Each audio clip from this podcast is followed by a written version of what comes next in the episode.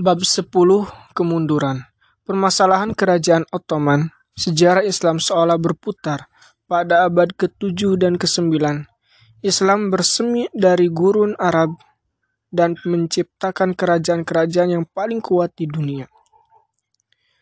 Periode kehancuran akibat invasi abad ke-11 hingga ke-13 membalikannya sehingga dunia Islam tercerai-berai secara politik, ekonomi, dan sosial.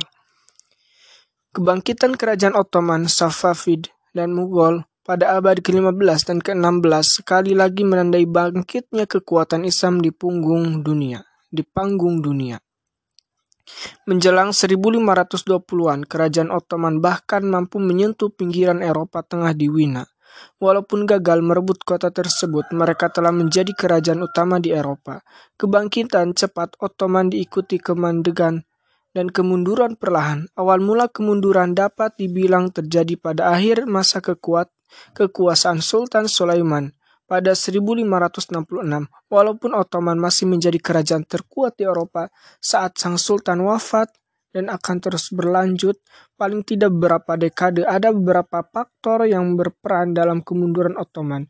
Berbarengan dengan kemunduran ini, negara-negara Eropa Barat, terutama Prancis dan Inggris, bangkit mengikuti kosongan yang ditinggalkan Ottoman yang mundur dari panggung dunia. Alasan utama dan paling gamblang atas kemunduran Ottoman adalah mereka tak mampu lagi mendapatkan kemenangan meyakinkan di medan perang. Di awal sejarahnya, Ottoman memiliki keunggulan teknologi yang jelas dibanding musuh-musuhnya. Merekalah yang kali pertama manfaatkan meriam besar untuk meruntuhkan dinding kota, seperti yang terjadi di Konstantinopel, ataupun meriam yang kecil yang lebih mudah diangkut dan kemudian berkembang menjadi senapan. Tak butuh waktu lama bagi orang Eropa lain untuk mengadopsi teknologi serupa dengan mengambil keunggulan yang dimiliki Ottoman di medan perang. Berhubungan dengan hal tersebut, sikap pejuang yang gigih yang dibangun Osman di Beylik kecilnya mulai pudar saat kerajaan semakin besar dan lebih stabil. Korf Janisari yang terbukti sangat berperan dalam berbagai kemenangan awal, kalah oleh godaan korupsi dan birokrasi, berhenti menjadi kekuatan peperangan yang efektif pada 1600-an. Akan tetapi yang lebih penting bagi kerajaan ini, ukurannya yang sudah mencapai tingkat maksimum, Tradisi pengiriman pasukan tahunan dari Istanbul setiap musim semi menyebabkan pasukan Ottoman paling berhasil di wilayah yang dapat dicapai sebelum musim gugur. Terutama di wilayah di utara yang bisa lebih cepat mengalami musim dingin. Contoh utamanya pengepungan Wina pada 1529. Pasukan Ottoman meninggalkan Istanbul di, di Mayan dan berjalan melintasi Balkan sepanjang musim panas sampai di luar tembok Wina pada akhir September. Keadaan ini memberikan waktu beberapa minggu saja bagi Sulaiman untuk mengepung. Sebelum akhirnya kembali ke Istanbul, masalah logistik menyebabkan pasukan Ottoman tidak dapat maju lebih jauh lagi dari Hungaria. Akibatnya, wilayah berbahasa Jerman di Eropa Tengah selalu tak terjangkau oleh tangan Ottoman. Usaha yang sama ke Wina pada 1683 juga berakhir dengan kegagalan. Batas-batas kemampuan militer Ottoman tampak jelas dengan perjanjian Karlowitz pada 1699 setelah perang selama 14 tahun antara kerajaan Ottoman dan sebagian besar Eropa. Ottoman dipaksa menyerahkan wilayah melalui perjanjian yang dilakukan untuk kali pertama dalam sejarah mereka. Hungaria, wilayah yang telah dimenangi Sulaiman, pada 1500-an diserahkan pada Austria bersama dengan Transilvania, sebagian Ukraina yang didiami Tatar, Crimea, pengikut Ottoman yang beragama Islam diambil Polandia, bahkan kota negara Panesia pun mendapatkan keuntungan mendapatkan tanah Ottoman di Yunani Selatan dan sepanjang pantai Adriatik di Balkan. Yang paling signifikan dalam sejarah Ottoman kemudian Sultan yang dipaksa dalam perjanjian untuk mengakui dan melindungi orang Kristen di kerajaannya. Ottoman sudah melakukannya sesuai dengan hukum Islam dan sistem milet. Yang paling penting dari persyaratan ini, perlindungan terhadap orang Kristen dipaksakan oleh kekuatan luar. Sepanjang 1700-an dan 1800-an negara-negara Eropa akan menggunakan konsep serupa untuk memecah lebih jauh wilayah Ottoman menuju keruntuhan. Ketidakmampuan Ottoman menang secara militer berkaitan dengan aspek kerajaan yang lain. Pada dasarnya kerajaan Ottoman adalah negara militer. Penaklukan akan mendatangkan kekayaan rakyat dan wilayah yang lebih banyak sehingga akan memperkuat kerajaan dan membantu mengadakan ekspedisi militer lebih lanjut. Selama masa perkembangan 1300 hingga pertengahan 1500-an, operasi militer Ottoman memberikan dividen besar secara ekonomi dan politik sehingga menciptakan kerajaan pan-etnis yang mendapat keuntungan dari pampasan perang. Dengan berakhirnya penaklukan pemerintahan Ottoman harus mencari landasan baru untuk membangun ekonomi. Perubahan fundamental bentuk kerajaan semacam ini akan selalu sulit diatasi. Tetapi permasalahan lainnya, kemunduran kualitas kepemimpinan yang dialami kerajaan ini. Sejak pemerintahan Osman pada awal 1300-an hingga masa keemasan zaman Sulaiman pada pertengahan 1500-an, Sultan Ottoman diharapkan memimpin pasukan dalam pertempuran, mengurus pemerintahan melalui wazir, menetapkan hubungan dengan kerajaan lain, dan mempertahankan Islam sebagai khalifah dunia Islam. Tetapi setelah masa Sulaiman ada perubahan tegas bentuk pemerintahan Sultan itu sendiri dan peran yang dimainkan dalam pemerintahan. Dimulai pada masa Salim II, anak Sulaiman, banyak sultan lebih memilih menghabiskan waktu dalam kemewahan istana daripada terlibat pemerintahan kerajaan itu sendiri.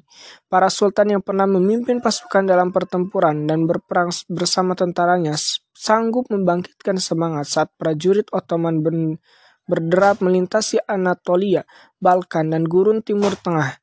Tetapi sejak akhir 1500-an, Sultan akan menunjuk wakil untuk memimpin pasukan, sementara mereka menikmati kenyamanan di Istanbul. Sultan Ahmad I memerintah pada 1603 sampai 1617 mengukuhkan nesunya kesultanan secara resmi ia mengakhiri tradisi perebutan tahta oleh para pangeran di Ottoman yang sudah berusia 300 tahun ini. Sebelumnya, Sultan tak bisa membiarkan para saudaranya tetap hidup kalau tidak akan terjadi pemberontakan terhadap kekuasaannya. Seperti yang terjadi pada masa kekuasaan Bayezid II, sekarang seluruh anggota keluarga Ottoman dibiarkan tetap hidup tetapi dipaksa tinggal dalam pengasingan dalam harem istana. Jika seorang sultan meninggal, pejabat pemerintahan akan masuk ke harem dan cukup memilih anggota keluarga tertua untuk naik tahta. Bah, banyak sultan seperti ini yang keluar dari pengasingan setelah dewasa dan mengalami dampak tertentu karena menghabiskan puluhan tahun hidup sendirian di ruang tersepuh emas. Tanpa pernah berlatih pengelola mengelola pemerintahan sebelumnya, para sultan ini tak mampu memimpin kerajaan yang besar dan kompleks dengan efektif. Maka pengelolaan pun jatuh ke tangan para wazir dan pejabat pemerintah lain yang secara efektif berkuasa atas nama sultan. Pada 1600 dan 1700-an keberuntungan kerajaan tak bergantung pada kemampuan sultannya, tetapi pada wazir agungnya. Ahmad I mungkin bertujuan melindungi dinasti ini dari perang saudara yang begitu mahal ongkosnya, tetapi hasil reformasi yang dilakukannya membuat dinasti Ottoman tak mampu menghasilkan sultan yang cakap dalam kurun 1600 dan 1700-an. Masalah yang jauh lebih menggusarkan di kerajaan Ottoman sepanjang masa kemundurannya, selain di bidang ekonomi dan militer, berkaitan dengan situasi ekonomi Eropa sejak 1500-an. Negara-negara Eropa Barat seperti Spanyol, Portugis, Prancis, dan Inggris memimpin penjelajah penjelajahan ke dunia baru dan mengurus kekayaannya dengan sistem merkantilisme yang menekankan pada pengumpulan emas dan perak dalam jumlah besar pertambangan di Amerika Tengah dan Selatan memungkinkan kapal-kapal mengangkut perak ke pasar Eropa melalui Spanyol. Ketika perak membanjiri ekonomi Ottoman, mata uang kerajaan sangat merosot dari inflasi pun meningkat. Ekonomi Ottoman terpukul di dua sisi, tak ada lagi perang atau menaklukkan yang menghasilkan barang rampasan dan kebangkitan Eropa Barat yang memperlemah kerajaan Ottoman. Secara intelektual, kerajaan ini stagnan pada 1600-an dan 1700-an setelah sekitar abad keunggulan Islam di bidang ilmu pengetahuan, saat Eropa berusaha melewati abad kegelapan, para ilmuwan Ottoman cenderung meremehkan kemajuan intelektual Eropa. Mereka hampir tak bisa disalahkan atas hal ini karena Eropa memang berus bersusah payah menghasilkan prestasi ilmu pengetahuan sejak kejatuhan kekaisaran Romawi. Kenyataannya abad kegelapan berakhir pada 1600-an Renaissance dan perpecahan selanjutnya memandu era baru intelektualitas Eropa yang ironisnya didorong oleh penerjemahan karya-karya Islam berumur ratusan tahun di kota-kota utama Eropa. Kebanyakan ilmuwan Ottoman gagal menyadari pergeseran ini dan kemajuan Eropa diremehkan sebagai inovasi kapir. Pada awal sejarahnya, kerajaan Ottoman telah berusaha menjembatani jurang intelektual antara Kristen Eropa dan dunia Islam. Pelukis, ilmuwan, dan ahli bahasa Eropa dapat ditemukan di Istana Mehmet II tetapi saat Eropa mulai mengambil peran dominan dalam panggung politik dunia, kecurigaan Ottoman kepada tetangga Kristen yang menimbulkan sikap anti-intelektualisme yang menghalangi pertumbuhan lebih lanjut. Meskipun semua faktor ini bergabung untuk melemahkannya, kerajaan Ottoman tetap menjadi salah satu kerajaan terkemuka di Eropa dan Timur Tengah pada 1600-an dan 1700-an. Pertumbuhan yang luar biasa dalam 300 tahun pertama begitu hebat sehingga tetangga Tantangan militer, ekonomi, politik, dan intelektual yang dihadapi Ottoman pada masa kemandekannya tak dapat sepenuhnya menghapuskan capaian yang ada. Bentuk fundamental kerajaan harus berubah dan beradaptasi dengan kenyataan geopolitik yang baru. Yang paling penting adalah hubungan antara Ottoman dan negara-negara Eropa lainnya. Para wazir cukup pragmatis untuk menyadari bahwa konflik tanpa akhir dengan tetangga-tetangga barat akan berujung bencana. Hubungan antagonis Ottoman dengan Eropa pun mulai pudar saat para wazir mengerti era ekspansi sudah berakhir menjelang 1600-an. Tak ada yang lebih terang benderang dibanding periode tulip yang berlangsung antara 1719 sampai 1730. Pada masa itu Wazir Agung Ottoman Nevzehirli Damat Ibrahim Pasha membuat rencana baru dengan Eropa yang ditandai dengan hubungan dagang dan perpaduan budaya. Gaya artistik Eropa terutama barok diadopsi oleh Ottoman dan dilebur dengan gaya tradisional Islam sehingga menciptakan tampilan baru yang khusus. Tulip yang populer awal abad ke-18 di Eropa Barat sangat menonjol dalam seni periode ini. Meskipun budaya berkembang baik di periode tulip, kecenderungan yang lebih signifikan mulai muncul dalam hubungan antar Ottoman dan Eropa Barat. Stagnasi dan goyahnya. Ottoman pada 1600-an memicu kejatuhan dengan cepat pada 1700-an. Perjanjian Karlowitz pada 1600 memperjelas kelemahan Ottoman. Tetapi perang dan perjanjian berikutnya pada 1700-an benar-benar menunjukkan kemunduran Ottoman. Usaha Ottoman untuk mendapatkan kembali Yunani Selatan memicu perang dengan Austria pada 1710-an yang berujung pada perjanjian Passarowitz Perjanjian ini menghasilkan penyerahan Serbia kepada kerajaan Austria pada 1718. Usaha merebut wilayah kembali Mayang malah menyebabkan kehilangan daerah lebih banyak benar-benar menunjukkan situasi yang sedang dihadapi Ottoman. Beberapa dekade perdamaian yang diikuti peperangan membawa malapetaka dengan Rusia dari 1768 hingga 1774.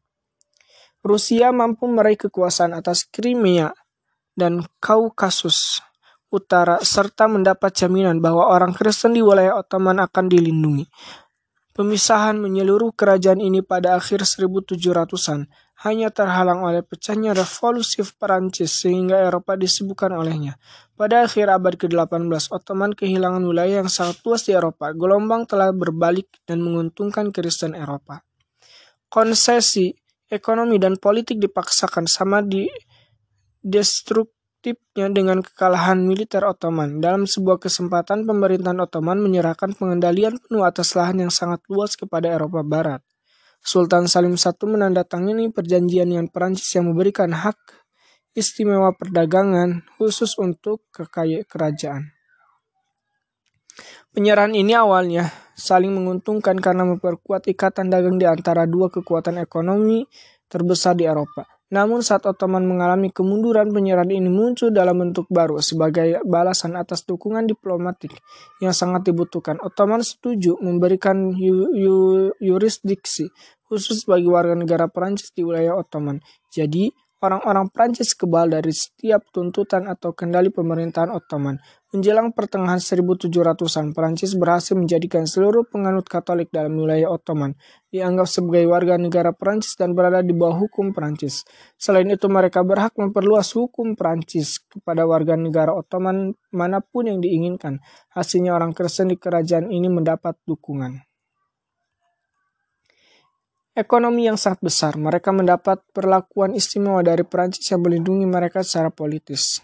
kemudian memilih berdagang secara eksklusif dengan mereka. Akibatnya, sebagian besar perdagangan luar negeri Ottoman benar-benar berada di luar kendalinya.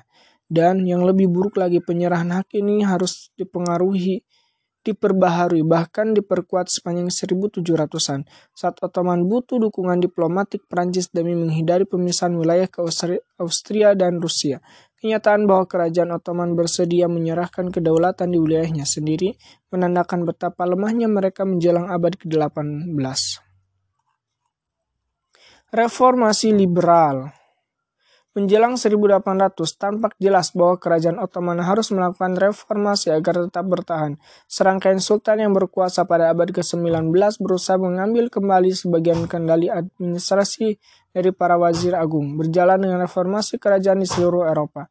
Mahmud II berkuasa pada 1808 sampai 1839, menjadi sultan pertama yang melakukan reformasi yang mereorganisasi pemerintahan Ottoman menjadi lebih bergaya Eropa.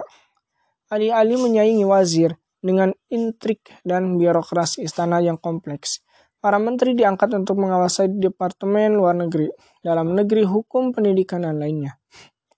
Korps pasukan pengawal Sultan berakhir dalam pertempuran berdarah di jalanan kota Istanbul saat Mahmud menetapkan Nizam-i Kadid, sistem baru yang mengikuti standar Eropa. Bahasa Perancis diajarkan Selain bahasa Turki di sekolah-sekolah, bahkan cara berbusana pun direformasi.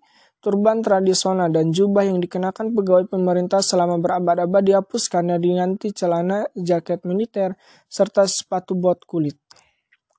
Kopiah dipakai di mana-mana oleh pegawai pemerintah dan warga biasa saat Mahmud menerapkan reformasi ini. Oposisi muncul dari para ulama yang menentang mengadopsi pengadopsian budaya Eropa sebagai inovasi keagamaan. Mereka terpinggirkan oleh pemerintahan baru yang lebih terpusat kuat yang juga mulai memancapkan kekuatan di provinsi-provinsi jauh. Para gubernur juga kecewa karena sebelumnya telah relatif lama menjadi sistem Ottoman. Reformasi berlanjut dan dipercepat oleh anak Sultan Mahmud yaitu Abdul Majid I berkuasa pada 1839 sampai 1861 dan Abdul Aziz 1861 sampai 1879.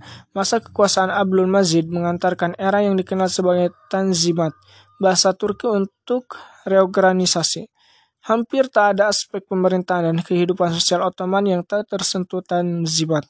Negara bangsa Eropa dianggap sebagai model berharga untuk ditiru dan para ahli kedatangan didatangkan dari Eropa untuk mengarahkan perubahan yang diyakini sangat diperkuat sangat diperlukan. Kerajaan Ottoman, perubahan era Tanzimat meliputi sistem post-modern bank nasional, sensus reformasi pajak, parlemen kuno, dan lagu kebangsaan Ottoman. Sistem pendidikan dibongkar agar berjalan dengan sistem Perancis. Menurut gagasan Barat, pendidikan sekuler didukung melebihi pendidikan agama yang telah menjadi norma sepanjang sejarah Islam. Pada masa lalu, penelitian sejarah ilmu pengetahuan dan keagamaan dianggap sebagai usaha yang sama, bahkan Nabi telah mendukung kemajuan ilmu pengetahuan. Akan tetapi dengan pengenalan sikap sekuler Prancis, pengetahuan ilmiah dan keagamaan dipisahkan. Ilmu pengetahuan dianggap lebih bernilai. Hasilnya generasi baru Ottoman menghargai karir dalam bidang rekayasa dan kedokteran lebih dari seni liberal dan studi keislaman. Norma budaya yang berlanjut di sebagian besar dunia Islam hingga sekarang bagi pelaku reformasi dan pendukungnya. Seluruh pembaharuan organisasional ini diperlukan agar kerajaan Ottoman bisa berfungsi efektif pada 1800-an. Akan tetapi yang lebih signifikan, Tanzimat menghadirkan perubahan fundamental dalam melaksanakan pemerintahan Ottoman secara khusus. Kode hukum lama ditetapkan oleh Sulaiman dan Mufti Agung pada 1500-an dan digantikan dengan baru kode baru berdasarkan sistem Perancis. Sistem ini menjunjung hak asasi berdasarkan semangat pencerahan sebagai basis hubungan antara warga negara dan pemerintahan. Pertumbuhan sekularisme dalam negara Ottoman menemui tantangan dari elemen yang lebih konservatif. Semenjak awal, Ottoman membanggakan diri sebagai wakil dan pelindung Islam. Osman mampu menjadi ghazi populer dengan memimpin serangan Islam melawan Kaisaran Bizantium Kristen. Mehmet II memenuhi ramalan Nabi tentang mengislamikan Konstantinopel. Salim I membawa kekhalifahan di ke Istanbul. Sekarang kerajaan ini menanggalkan tradisi Islam dan menggantikannya dan menggantinya dengan pendekatan liberal dan sekuler yang dipinjam dari Eropa. Sepanjang sejarah Islam, kerajaan mendasarkan hukumnya pada syariat Islam. Diikuti atau tidak itu masalah lain. Tetapi tak pernah sebelumnya kerajaan Islam mengakui sekularisme sebagai kebijakan yang sah. Menurut Sultan dan penasihatnya, kenyataan zamanlah yang mengharuskan hal ini dan perubahan diperlukan untuk menangka, menang, menenangkan keresahan Eropa. Berbarengan dengan pemikiran sekular yang datang bersama pencerahan, nasionalisme menjadi kekuatan intelektual yang kuat pada abad ke-19. Orang-orang Eropa di seluruh benua itu mulai mengelakkan gagasan kerajaan pan etnis tradisional dan memilih negara bangsa yang didominasi oleh kelompok etnis atau bahasa yang sama. Bagi Ottoman yang diisi dengan bangsa Turki, Arab, Kurdi, Armenia, Yahudi, Serbia, Bosnia, Yunani, dan banyak etnis lain. Konsep nasionalisme ini menjadi masalah. Saat Yunani berhasil merdeka dari Ottoman dengan bantuan dari seluruh Kristen Eropa pada 1830. Ancaman nasionalisme menjadi nyata. Kelompok etnis lain dalam kerajaan ini bisa menuntut kemerdekaan sehingga menyebabkan pembongkaran kerajaan habis-habisan. Untuk memerangi nasionalisme, konsep identitas dan rasa memiliki harus berkembang di wilayah kerajaan Ottoman. Beberapa pejabat, terutama yang, ter yang terdidik secara Eropa Barat dan terpengaruh oleh nasionalisme, berusaha mengikat seluruh warga Ottoman dalam gagasan Ottomanisme. Di bawah gagasan ini, seluruh warga negara Ottoman apa pun agama atau etnisnya dianggap setara. Reformasi hukum era Tanzimat telah menjamin hal tersebut. Tetapi sekarang seluruh kelompok etnis dan agama didorong untuk mengenali diri sebagai bagian Ottoman. Akan tetapi kenyataannya Ottomanisme gagal menyatukan rakyat dalam satu identitas. Kapitulasi pada negara Eropa menyebabkan orang Kristen mendapatkan keunggulan ekonomi yang sangat besar yang tak dimiliki orang Islam. Sekarang orang Islam bahkan tak memiliki keunggulan hukum atau sosial apa pun. Ketegangan antara orang Islam dan Kristen meningkat di seluruh kerajaan saat umat muslim menyadari bahwa mereka tertinggal dari orang Kristen yang menjadi lebih kuat dan berpengaruh. Pada akhirnya, usaha menyatukan seluruh warga Ottoman menjadi satu bangsa hanya meningkatkan ketegangan dan agitasi antar kelompok, agama, dan etnis. Era Tanzimat berlangsung sampai 1876. Reformasi periode ini gagal memperlambat kemunduran negara Ottoman, keuangan Ottoman masih berantakan. Pemberontakan di antara kelompok etnis di Balkan semakin sering terjadi. Ottomanisme dan re reorganisasi provinsi gagal memadamkan nasionalisme. Sementara itu kekuatan Eropa Barat semakin besar dan berpengaruh. Era baru imperialisme dan kolonialisme pun dimulai. Sebagian pejabat pemerintahan berpendidikan Barat yang dikenal dengan sebagai Ottoman muda meyakini kegagalan Tanzimat itu karena kurang liberal. Mereka semakin mendorong sekularisme Eropa dan membatasi kekuasaan Sultan lebih jauh.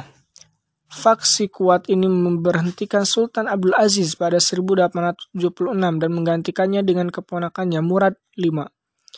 Sultan baru ini lebih tidak kompeten dibanding pendahulunya dan patah semangat hanya beberapa bulan kemudian. Kemudian ia dipecat dan digantikan saudaranya Abdul Hamid II berkuasa pada 1876 sampai 1909. Perubahan kesultanan oleh para wazir ini menyebabkan majunya pemimpin yang dapat melanjutkan reformasi liberal pada era Tanzimat, tetapi kekuasaan Abdul Hamid II tak berjalan sesuai rencana. Pan-Islamisme Abdul Hamid mungkin menjadi salah satu sultan Ottoman yang paling siap selama berabad-abad. Sistem pemenjaraan mewah dalam haram yang diawali Ahmad I telah lenyap pada abad ke-19. Sebagai pangeran Abdul Hamid bisa bepergian ke Eropa dalam bagian delegasi diplomatik, ia pun sangat terpelajar. Sesuai karakter era klasik Sultan Ottoman, ia seorang serba bisa. Ia menjadi penyair ulung dan pegulat, bahkan membuat furniturnya sendiri. Selain itu, tak seperti pendahulunya yang bermewah-mewah, yang menghindari kemegahan istana baru dan mahal di sepanjang Bosphorus, dan memilih tinggal di tempat sederhana di istana Yildiz yang lebih kecil dan terpencil. Seorang pemimpin yang cakap memang sangat dibutuhkan saat ia naik tahta. Perang Russo Turki pada 1877 sampai 78 berujung pada kemerdekaan Rumania, Serbia dan Montenegro serta otonomi Bulgaria di bawah kerajaan Ottoman. Sisa-sisa kendali Ottoman di Balkan secara perlahan lenyap. Dukungan dari Inggris pada 1870-an tetap menegakkan Ottoman karena melihatnya sebagai penyangga efektif melawan imperialisme Rusia. Lebih lanjut, Ottoman telah menyatakan bangkrut pada 1875 dan sebagian besar anggaran dialokasikan untuk membayar bunga utang luar negeri yang besar yang terkumpul selama masa kemunduran. Walaupun berjanji penerusan reformasi Tanzimat liberal, Abdul Hamid membawa kerajaan menuju arah baru. Reformasi yang berusaha membatasi kekuasaan sultan dan mengalihkannya ke parlemen ditinggalkan. Abdul Hamid berusaha mengembalikan kekuatan tradisional kesultanan. Konstitusi yang ditulis dan diterapkan oleh Wazir Agung pada awal masa kekuasaannya pada 1826 dihentikan tanpa batas pada 1878 dengan dalih karena perang melawan Rusia. Untuk kali pertama semenjak zaman gemilang kekuasaan Ottoman pada 1500-an, Sultan benar-benar berkuasa. Sejalan dengan kekuasaan Sultan Abdul Hamid mengembalikan aspek dinasti Ottoman yang telah terlupakan. Kekhalifahan Ottoman telah memegang gelar khalifah sejak Salim I menaklukkan Mesir pada 1517. Tetapi jarang digunakan bagi Abdul Hamid posisi sebagai ahli waris jabatan dimulai oleh Abu Bakar itu sangat penting. Gelar ini signifikan karena dengan kehilangan wilayah Kristen Balkan, kerajaan Ottoman sekarang menjadi negara dengan minoritas muslim. Orang Turki, Arab, Albania, dan kelompok Islam lain dalam kerajaan didatangi oleh pengungsi muslim yang diusir oleh kekuatan Kristen di Eropa, termasuk Circassian yang mengalami pembersihan etnis di Rusia Selatan pada 1860-an mengumpulkan warga negara dalam identitas Islam untuk bersumpah setia kepada khalifah lebih mudah daripada identitas Ottomanisme ciptaan. Selain itu, dengan banyaknya orang Islam dan yang hidup di bawah dominasi imperial Eropa di India, Afrika, dan Asia Tenggara, ia dapat menggunakan posisinya sebagai pemimpin spiritual dunia Islam untuk menaikkan posisi saat menghadapi kekuatan imperial Eropa. Pan-Islamisme sangat didukung selama masa kekuasaannya karena ia berharap bisa memberikan energi baru ke dalam pergerakan Ottoman, sambil berharap menyatukan semua musim dalam gagasan Pan-Islam. Abdul Hamid mengadakan serangkaian proyek yang bertujuan mengembalikan untuk Islam bentuk Islam ortodoks yang telah hilang selama tahun-tahun. Tanzimat Jalur kereta api dibangun melintasi kerajaan tetapi yang terpenting adalah jalur Hijaz yang merentang dari Istanbul ke Madinah. Upaya menghubungkan Ottoman dengan provinsi terjauh memang masuk akal secara logistik. Hal ini juga membuat perjalanan haji lebih mudah ditempuh, terutama saat melintasi gurun Arab. Selain itu, jalur kereta ini berfungsi sebagai jembatan spiritual antara Khalifah Ottoman di Istanbul dengan lokasi negara Islam pertama yang dipimpin Nabi. Delegasi utusan dikirim ke masyarakat muslim di luar batas wilayah Ottoman, sampai sejauh Afrika, Sub-Sahara, dan Tiongkok kesetiaan dunia Islam bisa dimanfaatkan Sultan untuk menghadapi kekuatan Eropa yang harus berkembang. Dalam suatu sikap yang mengesankan, ia membuat kecewa Theodor Herzl dan gerakan Zionis yang menawarkan untuk membeli Palestina sebagai pengganti atas pembayaran utang luar negeri kerajaan. Tujuan pan-Islamisme Abdul Hamid sesuai dengan aspek non-sekuler Tanzimat dan reformasi yang bertujuan memperkuat kerajaan terus berlangsung wajir agung ditunjuk dengan tujuan mereorganisasi birokrasi pemerintahan agar lebih efisien dan kompetitif menghadapi kekuatan Eropa. Selama masa kekuasaannya mendapatkan mendapat pendapatan meningkat dan korupsi menurun. Penasihat militer Jerman dipanggil untuk memodernisasi memodernisasi dan melatih pasukan Ottoman. Sementara itu, kapal-kapal perang didatangkan dari Inggris, Prancis, dan Amerika. Pendidikan diperluas di seluruh negeri. Sekolah dasar dan menengah didirikan untuk menyaingi sekolah asing yang, di, yang didanai misionaris Kristen menjelang 1895. Lebih dari satu juta murid di seluruh negeri masuk ke sekolah umum, melejitkan tingkat literasi. Meskipun sudah berusaha memodernisasi kerajaan dengan mempertahankan bentuk Islam dan monarki, Abdul Hamid tak mampu membendung penyebaran liberalisme dan sekularisme di wilayah kekuasaannya. Para elit berpendidikan Eropa tak pernah putus asa mengharapkan negara Ottoman baru berdasarkan gagasan Eropa Barat. Pada 1909, Abdul Hamid diberhentikan oleh perkumpulan rahasia yang dikenal sebagai Turki Muda dengan didukung orang Kristen Turki dan diilhami liberalisme sekuler Eropa. Turki Muda berhasil mengakhiri 30 tiga tahun masa kekuasaan Abdul Hamid dan pemerintahannya yang ber, berorientasi Islam. Akan tetapi, mereka memilih untuk tak mengakhiri kesultanan. Hingga 30 tahun berikutnya, dua sultan masih memimpin, tetapi hanya sebagai boneka tanpa otoritas. Kekuasaan sesungguhnya dalam sejarah Ottoman berikutnya berada di tangan Turki muda. India Setelah puncak kekuasaan Mughal di India yang terjadi selama masa pemerintahan Aurangzeb, Bentuk kerajaan yang terpusat mulai terurai. Sejak awal Mughal mampu membuat pemerintahan lain menjadi bawahan dan sama sekali tak menyingkirkan seperti yang cenderung dilakukan Ottoman. Bahkan pada masa kejayaannya, Mughal terdiri atas gabungan beragam raja dan gubernur yang menyatakan kesetiaan pada kaisar. Kesetiaan ini mudah bertahun-tahun. Setelah kematian Aurangzeb, alasan utamanya perang suksesi yang menggoncangkan kerajaan. Anaknya Azam Shah hanya berkuasa selama tiga bulan sebelum dibunuh oleh saudara tirinya, Bahadur Shah. Pada 1707, ia pun selanjutnya hanya memimpin selama lima tahun sebelum kematiannya. Periode selanjutnya diisi oleh pemimpin-pemimpin yang tak efektif seluruhnya. Ada lima raja yang berkuasa dalam 12 tahun setelah Aurangzeb.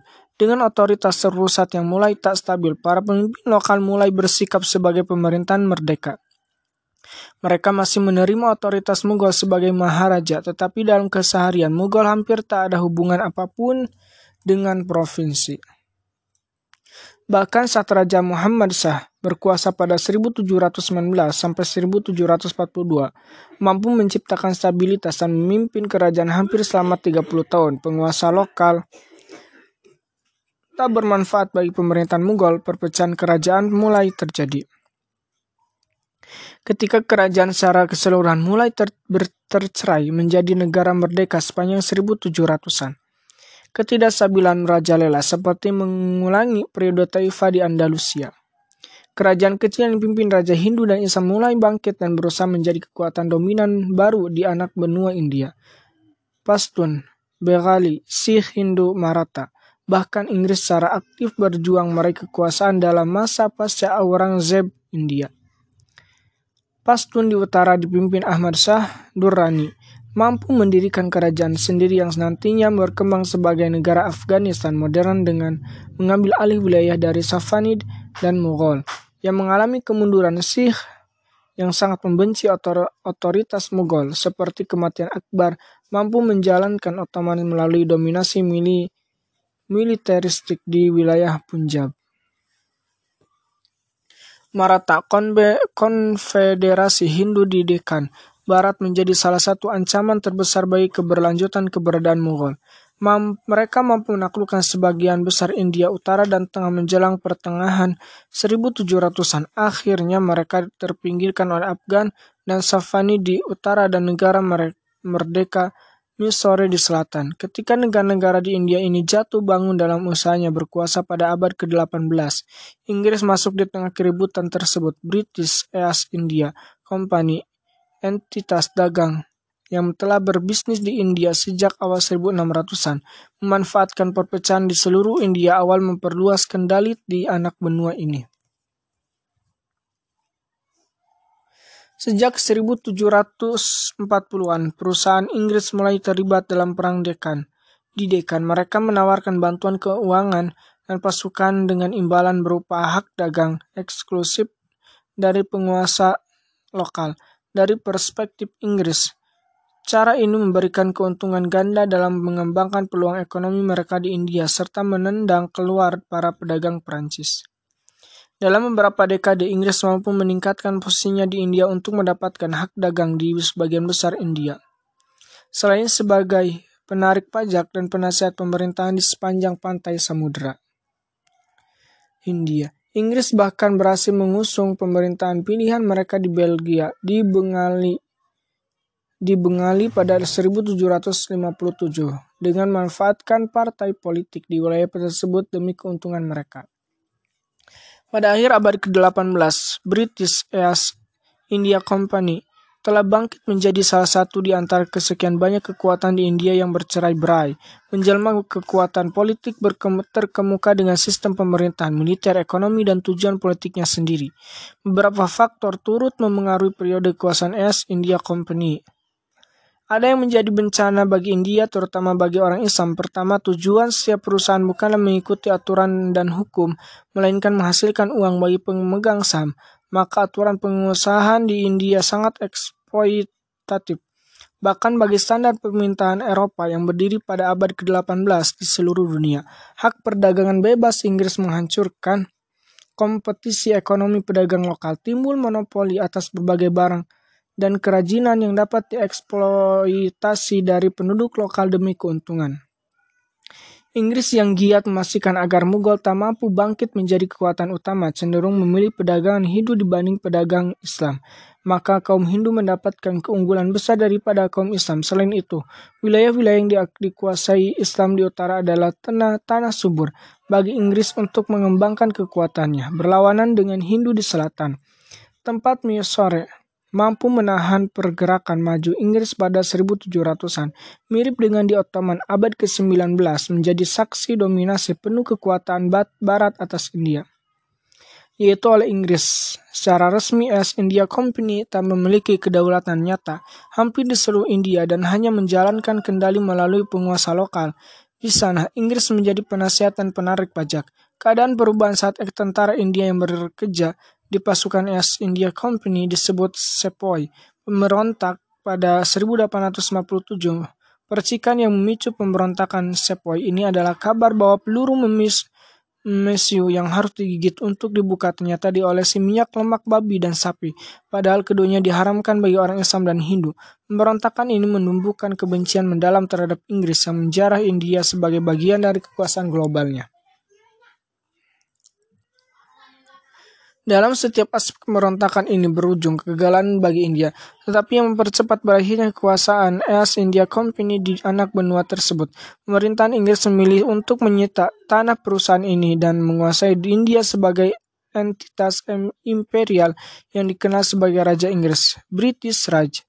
Walaupun orang Islam dan Hindu sama-sama terlibat dalam pemberontakan, orang Islamlah yang paling disalahkan. Akibatnya status sosial mereka di India terus tenggelam. Selain itu di bawah kekuasaan Inggris kerajaan Mughal yang saat itu ditinggal nama saja secara resmi dihapuskan sebagai hukuman atas hukuman Raja Bahadur Shah II pada pemberontakan tersebut. Baru pada 1947 seiring pendirian negara Pakistan Islam sekali lagi menguasai anak benua India. Afrika, Asia Tengah, dan Asia Tenggara. Imperialisme Eropa mampu memainkan peran langsung di wilayah-wilayah yang lebih jauh dari pusat kekuasaan Islam tradisional di Istanbul dan Delhi. Kerajaan Ottoman dan Mughal tetap mampu mempertahankan otonomi untuk sementara karena kekuatan besar mereka pada masa lampau. Tetapi kerajaan-kerajaan yang lebih kecil di pinggiran dunia Islam tak berdaya menghadapi serangan Eropa, Inggris, Prancis, Rusia, dan Belanda, mampu menaklukkan penduduk Islam dan memasukkannya dalam wilayah jejahan mereka yang terus berkembang. Pantai Mediterania di Afrika Utara telah menjadi wilayah Ottoman sejak abad ke-16. Pengaruh dan kendalinya di wilayah ini tak pernah menyamai apa yang telah dijalankan di, da di daerah Balkan.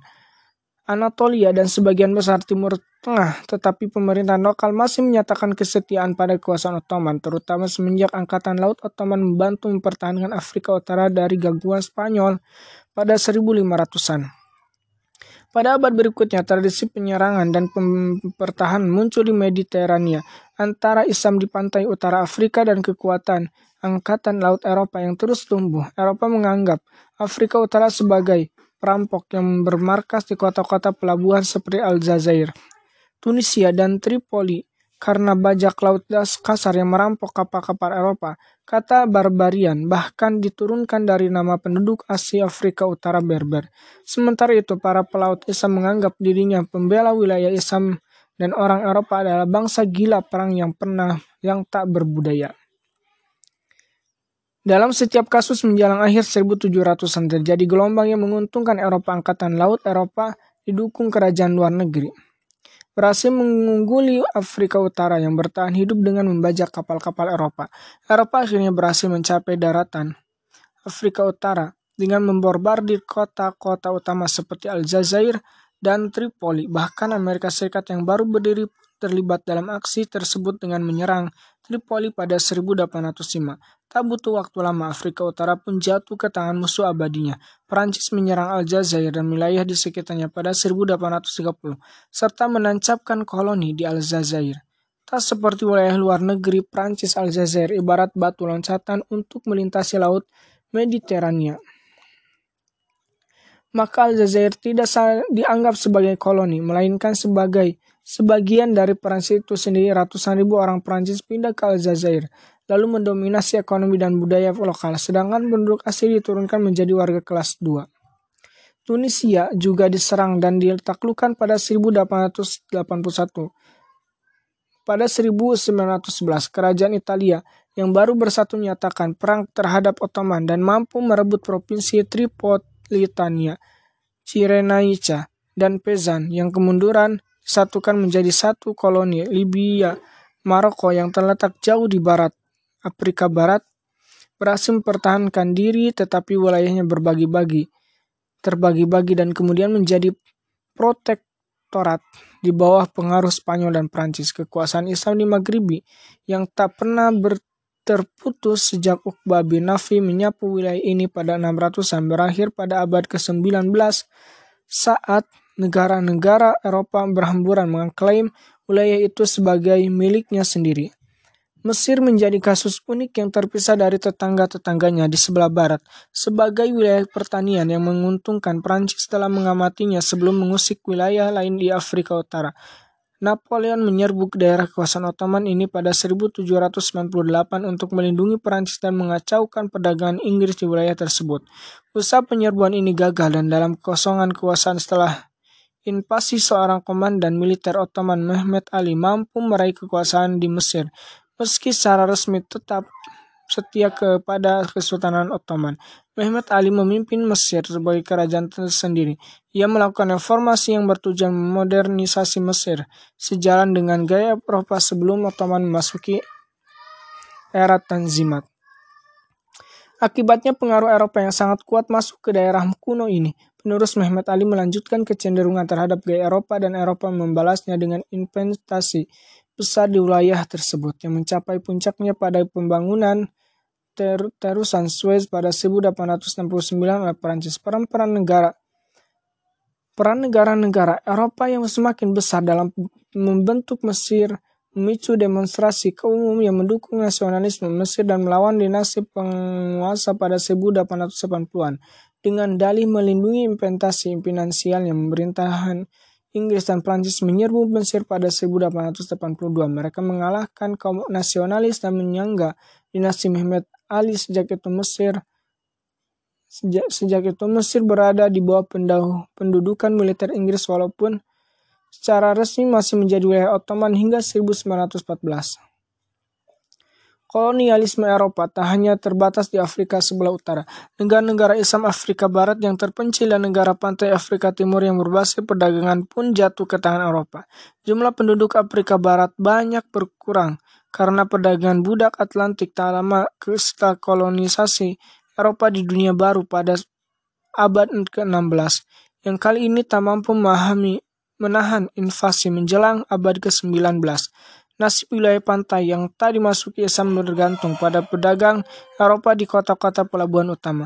Dari basis ini Perancis bergerak cepat semu masuk ke pedalaman pada akhir 1800-an negara-negara Islam di lembah sungai Nigeria yang selama ini dilindungi Sahara yang luas di utara dan rimbanya raya di selatan. Tak siap menghadapi menyebru penyerbuan Perancis menjelang 1895 Bagian yang lebih luas dari Afrika Barat berada di bawah kendali Prancis. Eropa menjarah kota-kota besar yang pernah menjadi pusat pengetahuan Islam, terutama Timbuktu, kemakmuran dan kekuatan Mali abad pertengahan tinggal menjadi kenangan saat Afrika Barat dimasukkan dalam dunia jajahan yang didominasi oleh kekuatan Eropa yang saling bersaing. Di Afrika Timur, Inggris memimpin imperialisme pantai Swahili sangat vital dalam rencana Inggris mengontrol Afrika di sepanjang sumbu utara selatan, dari Mesir hingga Afrika Selatan. Tetapi sejak awal 1700-an, Oman negara di sepanjang pantai Tenggara Arab telah mengendalikan kerajaan maritim yang membentang di pantai Afrika Timur. Basis utamanya kota Zanzibar yang sekarang dikenal sebagai Tanzania. Dari tempat ini Oman mengontrol perdagangan pantai dan menyisipkan pengaruh besar pada wilayah daratan. Saat itu rute perdagangan Samudra Hindia yang hampir tak sepenting perdagangan Atlantik yang didominasi Eropa. Maka dari itu Oman kemudian disiksa bers dipaksa bersepakat dengan Inggris yang telah menanamkan pengaruh dalam pemerintahan Oman sepanjang 1800-an. Saat terjadi krisis pergantian pemimpin pada 1856, Inggris memaksakan pemisahan antara Oman dan Zanzibar, Zanzibar menjadi dua negara yang kemudian melemahkan keduanya. Selain itu, Inggris melarang perdagangan budak di daratan yang menjadi sumber pemasukan utama penguasa. Hal ini semakin memperlemah kontrol Islam pada Afrika Timur saat pemerintahan Zanzibar tak bisa mengendalikan wilayahnya dengan efektif.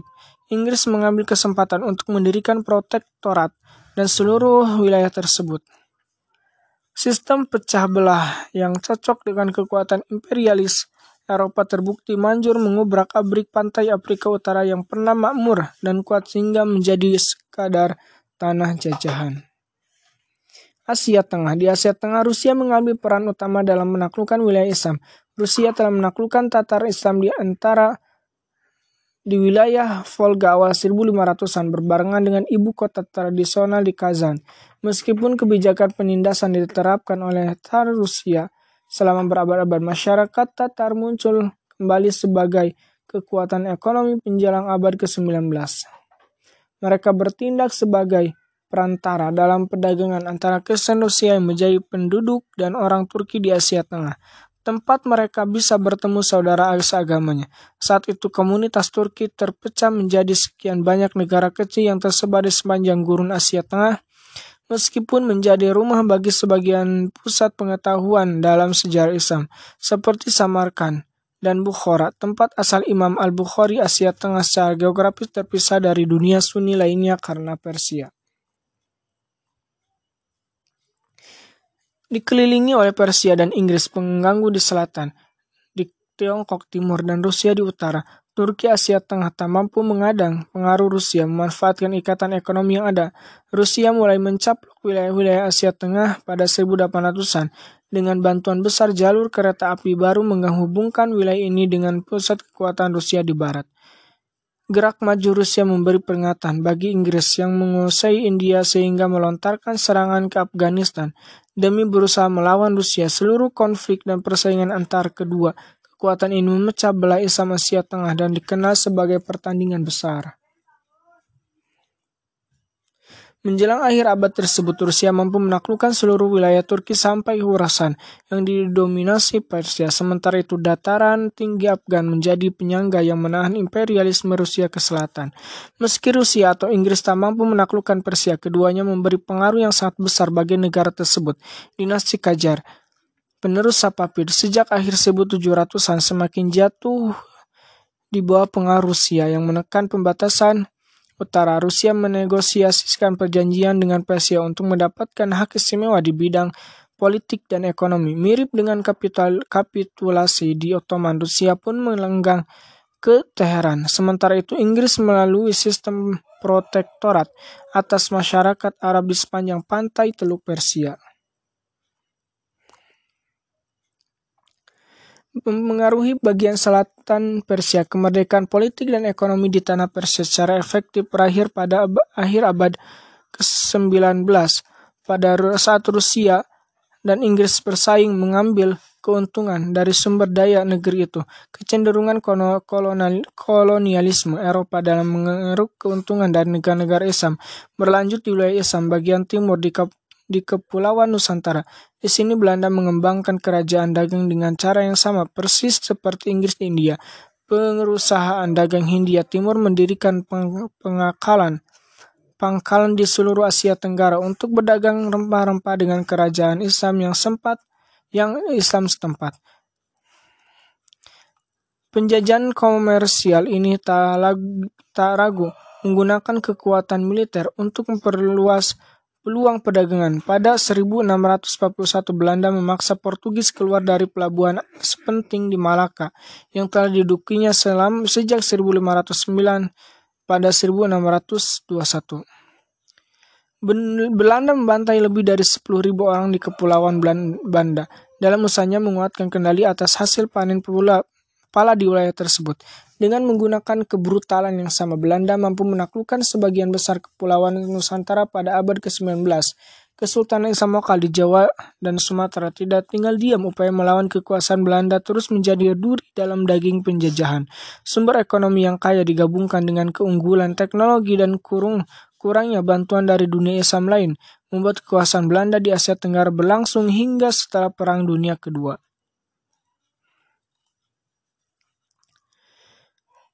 Secara keseluruhan, abad ke-19 menjadi saksi kekalahan kekuatan politik Islam di seluruh dunia. Inggris, Prancis, Belanda, Rusia, dan lainnya mengambil keuntungan dari kekuatan Eropa yang terus tumbuh tak dilakukan lagi bahwa dalam banyak hal orang Eropa meyakini dirinya layak menguasai dunia karena pemerintahan yang tercerahkan, kekuatan ekonomi serta militer yang terorganisasi rapi. Menaklukkan tetapi dunia dan mengajarkan cara hidup barat kepada pribumi adalah tanggung jawab kulit putih, seperti ditulis Rudyard Kipling dengan perasaan unggul secara budaya dan peradaban. Penjajahan Eropa benar-benar tidak peduli terhadap kebudayaan lokal ini, tak mengakibatkan pengab pengabaian akan sejarah Islam. Bahkan pada abad ke-19, Ketertarikan bangsa Eropa pada dunia timur mencapai puncaknya. Buku-buku tentang Nabi sejak Islam keyakinan Islam diterbitkan di berbagai kota besar di Eropa. Mungkin karena pengetahuan akan sejarah serta potensi kekuatan politik dan budaya Islam, orang Eropa bersikeras meni meniadakan peran pribumi di negeri Muslim. Konsep memecah belah dan menaklukkan terbukti manjur dalam ledakan pertama imperialisme Eropa di dunia baru pada 1500-an. Pada 1800-an, konsep itu digunakan lagi. Kali ini untuk meretakkan dunia Islam yang pernah memiliki kekuatan besar selama masa persatuan di bawah Umayyah Abbasiyah dan Ottoman. Secara sewenang-wenang, penjajahan Eropa menarik garis batas tanpa mempertimbangkan identitas lokal atau sejarah politik dalam upaya memecahkan belah memecah belah modal politik Islam dan menjadikan wilayah taklukan lebih mudah diatur serta dikuasai sepotong demi sepotong. Dunia Islam dikuasai oleh Eropa. Dengan demikian, menjelang pecah Perang Dunia Pertama pada 1914, sebagian besar orang Islam berada di bawah kekuasaan asing. Sejumlah pertanyaan besar muncul di benak kalangan umat muslim saat itu. Mengapa Tuhan membiarkan hal ini terjadi dan apa akibatnya bagi masa depan Islam di dunia modern? Orang-orang yang berusaha menjawab pertanyaan ini akan memelopori upaya kebangkitan Islam berusaha membalikan arus pasang Eropa dan mempertegas kembali dominasi umat dunia Islam.